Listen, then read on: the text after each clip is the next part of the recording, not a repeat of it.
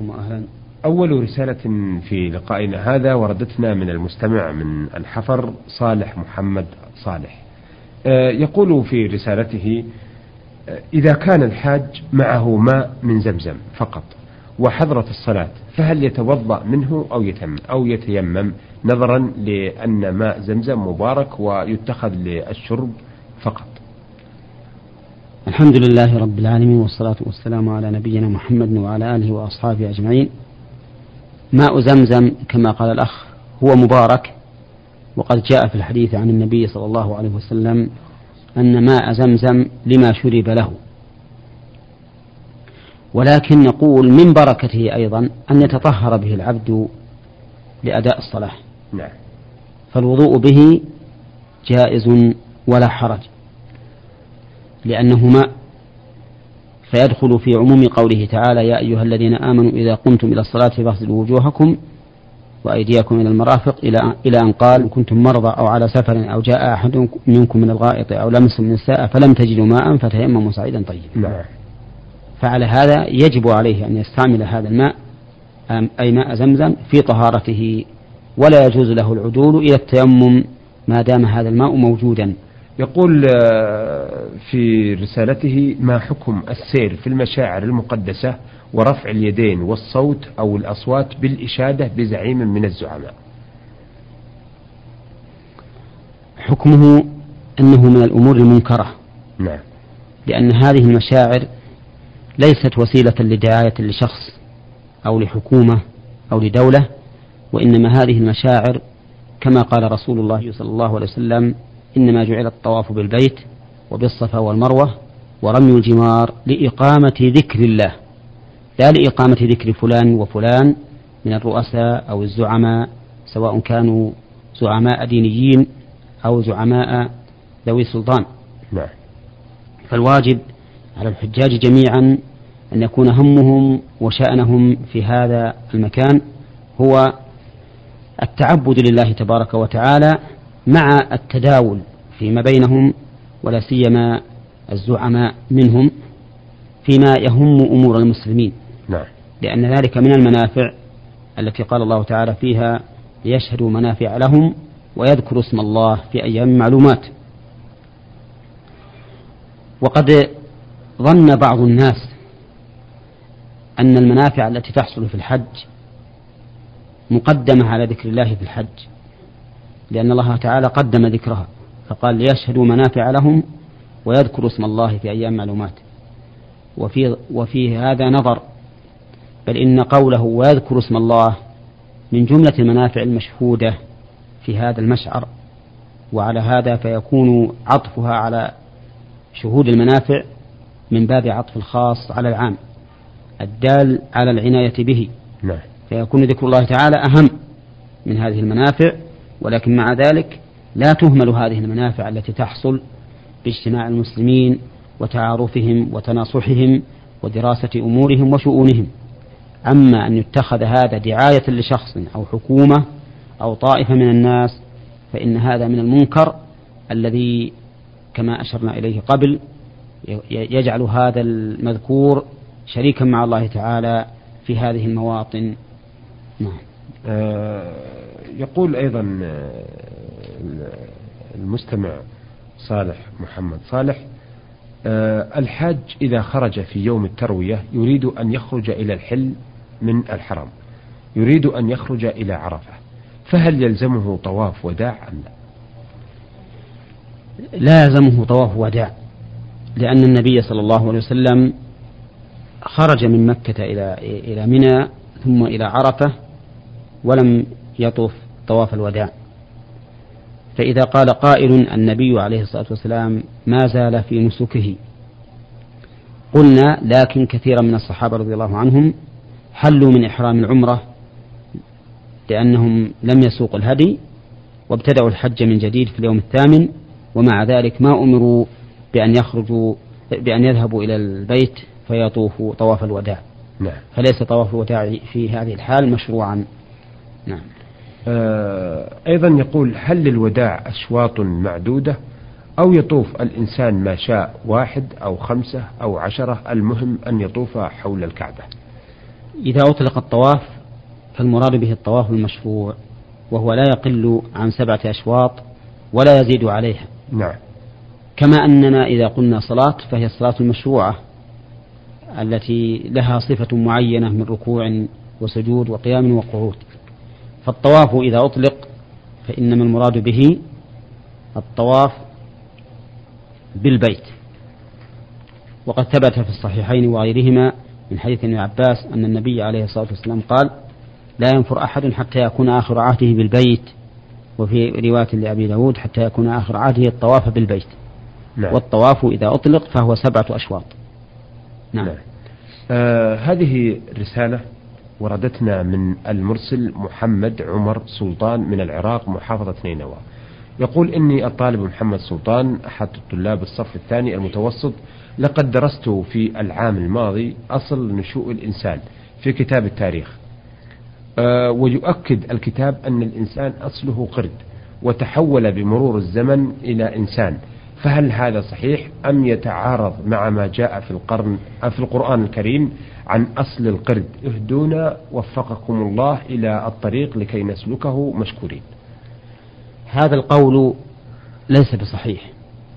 أعني القول بأن أصل الإنسان قرد ولكن القائل به هو في الحقيقة قرد. ممسوخ العقل وممسوخ البصيرة فجدير أن نسميه هو قردا وليس بإنسان حتى وهو على صورة إنسان لكن ألا يمكن أيضا أن نقول هو قرد في ممسوخ حقيقة لأنه يهودي وهو فرويد على كل حال نعم. ما قلته أولى نعم. ما قلته أنا نعم. أولى وكفاية نعم. فهذا القول ليس بصحيح أن أصل الإنسان قرد واعتقاده كفر لأنه تكذيب للقرآن فإن الله تعالى بين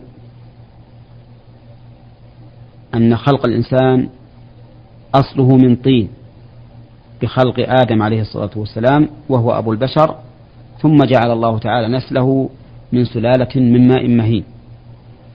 والقرود المعروفة هي من جملة فصائل المخلوقات الأخرى فهي مخلوقات نشأت هكذا بطبيعتها أنشأها الله تبارك وتعالى على هذه الصفة. كالحمير والكلاب والبغال والخيل والإبل والبقر والغنم والظبا والدجاج وغيرها. نعم. ولا يجوز لأحد بل لا يجوز لدولة مسلمة تنتمي إلى الإسلام أن تقرر هذا في مدارسها. بل يجب بل يجب عليها أن ترفع ذلك من المدارس. لأن الطالب إذا نشأ على هذا من صغره يصعب جدا أن يخلص منه. بل ولا أرى, أرى ولا أرى من الجائز أن يقرر هذا في المدارس حتى ولو كان للرد عليه وإبطاله. وإنما يبطل بغير أن يقرر في المدارس. نعم.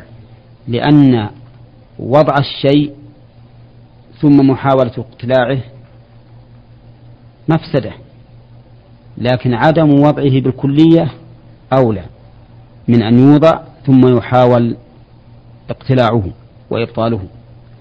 والواجب على الدول الإسلامية عموما أن تعيد النظر في مناهجها ومقرراتها وأن تجعلها مستخلصة من كتاب الله وسنة رسوله صلى الله عليه وسلم حتى يعيد الله تعالى إلى الأمة الإسلامية مجدها وعزها وكرامتها ويزول عنها كابوس الذل الذي أصابها اليوم حتى أصبحت في حال يرثى لها. قد أقول في حال يرحمها عدوها. لما بينها من التشتت والتفرق والذل والهوان بين دول العالم والواقع شاهد بذلك.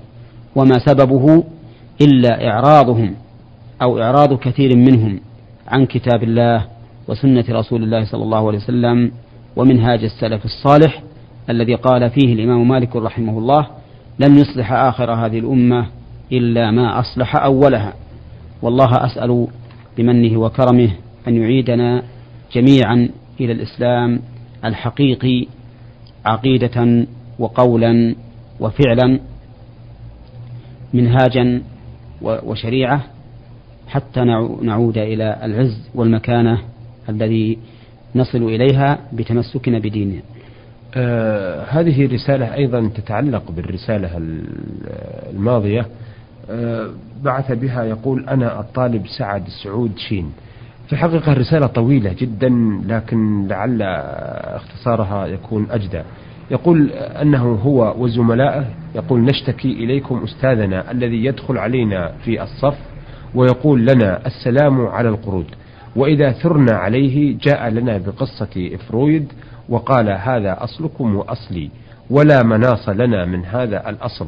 علما أن أستاذنا تبدو عليه الغطرسة وطول الملابس وطول الشعر أيضا والأظافر الطويلة. فما موقفنا من هذا الأستاذ وفقكم الله. علما أنه لم يشر إلى بلده أو قريته أو من هذا القبيل. نقول إقرار هذا الرجل على نفسه بأنه من القرود مقبول. وأما دعوى دعواه على غيره أنهم قرود فهي مرفوضة وقد تقدم قبل قليل نعم. بيان أن اعتقاد أن أصل كون الآدمي قردا كفر بالله عز وجل لأنه تكذيب للقرآن الكريم ولما أجمع عليه المسلمون بل ولما أجمع عليه الناس اليوم فإنه قد تبين أن هذه النظرية نظرية فاسدة باطلة وأنه لا حقيقة لها وأما كون هذا هذا الأستاذ يبقى أستاذا في هذه المدرسة فإنه لا يجوز إقراره أستاذا. ويجب على مدير المدرسة أن يرفع به إلى من فوقه حتى يبعد وينحى عن حقل التدريس ويجب مراقبته أيضا في خارج المدرسة نعم. حتى لا يضل الناس. وإذا استقام على الحق فذلك هو المطلوب وهو من رحمة الله به وبالناس. وإلا وجب أن يجرى عليه ما يمنع إفساده ولو بالقتل. نعم, نعم. إذا يجوز قتله في هذه الحالة؟ إذا لم يندفع. نعم. إذا لم يندفع ضرره إلا بذلك وهذا ضرر عظيم لأنه تكذيب للقرآن الكريم. فإذا لم يندفع إلا بهذا وصار هذا الرجل داعية إلى هذا الإلحاد والكفر فإنه يجب قتله لأنه مرتد والمرتد يجب قتله. نعم, نعم. آه بكري مصطفى البكري من البلد الشقيق البلد الشقيقة يقول الحاج بكري مصطفى البكري ولم ينشر إلى هذه البلد. يقول, يقول كل سنة أحج فيها إلى بيت الله الحرام. أصعد على جبل المشاهدة الذي هو جبل الرحمة آه في عرفات. وهذه السنة أجدني ضعيف بوسط السن وأنا متردد أخشى أحج ولا أستطيع الصعود فما العمل وفقكم الله. نقول له للأخ السائل رويدك أيها الأخ فإن الصعود على جبل عرفات ليس من الأمور المشروعة بل هو إن اتخذه الإنسان عبادة بدعة لا يجوز للإنسان أن يعتقده عبادة ولا أن يعمل به على أنه عبادة نعم. والرسول صلى الله عليه وسلم أحرص الناس على فعل الخير وأبلغ الناس في تبليغ الرسالة ودين الله ما صعده ولا أمر أحدا بصعوده ولا أقر أحدا على صعوده فيما أعلم. وعلى هذا فإن صعود هذا الجبل ليس بمشروع بل قال رسول الله صلى الله عليه وسلم حين وقف خلفه من الناحية الشرقية قال وقفت ها هنا وعرفة كلها موقف وكأنه صلى الله عليه وسلم يشير بهذا إلى أن كل إنسان يقف في مكانه ولا يزدحمون على هذا المكان الذي وقف فيه الرسول صلى الله عليه وسلم. نعم. آه هذه أيضا رسالة عن الحج وردتنا من قاسم محمد قاسم. يقول الشيخ المجيب على السادة المستمعين أرجو حل مشكلتي والتزاماتي مع أقاربي وأصدقائي فأنا أنوي الحج هذه السنة. ولما أخبرتهم حملوني أمانات عديدة وطلبوا مني مطالب كانت بسيطة. لكنها كثرت ولا أستطيع تحقيقها كلها وإن وأنا تحملت لهم هذه الأمانات التي منها مجموعة وصوني أطوف لكل واحد منهم سبيع. سبعا. إي نعم. تقول سبيع. طيب. نعم. نقول هو طبعا عدد المطالب لكن سنأتي بكل مطلب نعم. نعم. هذا لا يلزمه أن يفعل ولو أوصوه بذلك. ولو تعهد ولو تعهد به لهم لأن هذا اختلف أهل العلم في كونه آه، نافعا لمن جعله له. نعم. هل يصل إليه الثواب أو لا يصل؟ ثم إن فيه في أيام المواسم فيه مخالفة للسنة فإن السنة أن لا يزيد الإنسان في في موسم الحج على أطوفة النسك وهي الطواف أول ما يقدم نعم. وطواف الإفاضة وطواف الوداع. وهذه الأطوفة التي عهد بها يلزم منها مخالفة السنة. وعلى هذا فنقول لا حرج عليك إذا لم تف لهم بهذه الوصايا التي أوصوك بها. نعم, نعم.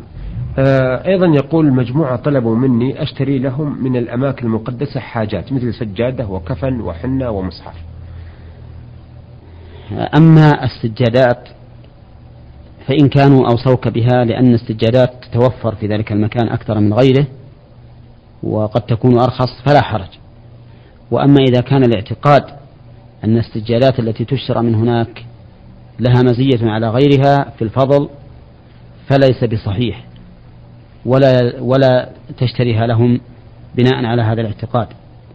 وأما الكفن أيضا فإنه ليس بمشروع أن يشتري الإنسان كفنه من تلك المواضع ولا أن يغسله بماء زمزم لأن ذلك ليس واردا عن النبي عليه الصلاة والسلام ولا عن أصحابه وإنما يتبرك بالكفن فيما ورد به النص وهو ما ثبت به الحديث عن النبي صلى الله عليه وسلم أنه أهدت إليه جبة فسأله إياها رجل من الصحابة فلاث الناس به وقالوا كيف تسأل النبي صلى الله عليه وسلم ذلك؟ وقد علمت أنه لا يرد سائلا فقال إني أريد أن تكون كفني فصارت كفنه. نعم. وكذلك أيضا طلب عبد الله بن عبد الله بن أبي من النبي صلى الله عليه وسلم أن يكفن أباه عبد الله بن أبي بقميص الرسول عليه الصلاة والسلام ففعل. فهذه الأكفان التي كانت من لباس الرسول عليه الصلاة والسلام لا بأس أن يتبرك بها الإنسان. وأما كونها من مكة أو من المدينة فهذا لا أصل للتبرك به. نعم. نعم. الله. أيها السادة إلى هنا نأتي إلى نهاية لقائنا هذا الذي عرضنا فيه رسائل السادة الصالح محمد صالح من الحفر ومحمد عمر سلطان من العراق محافظة نينوى وسعد سعود شين الطالب. والحاج بكري مصطفى البكري من البلد الشقيق وقاسم محمد قاسم من العراق. عرضنا هذه الأسئلة والاستفسارات على الشيخ محمد بن صالح.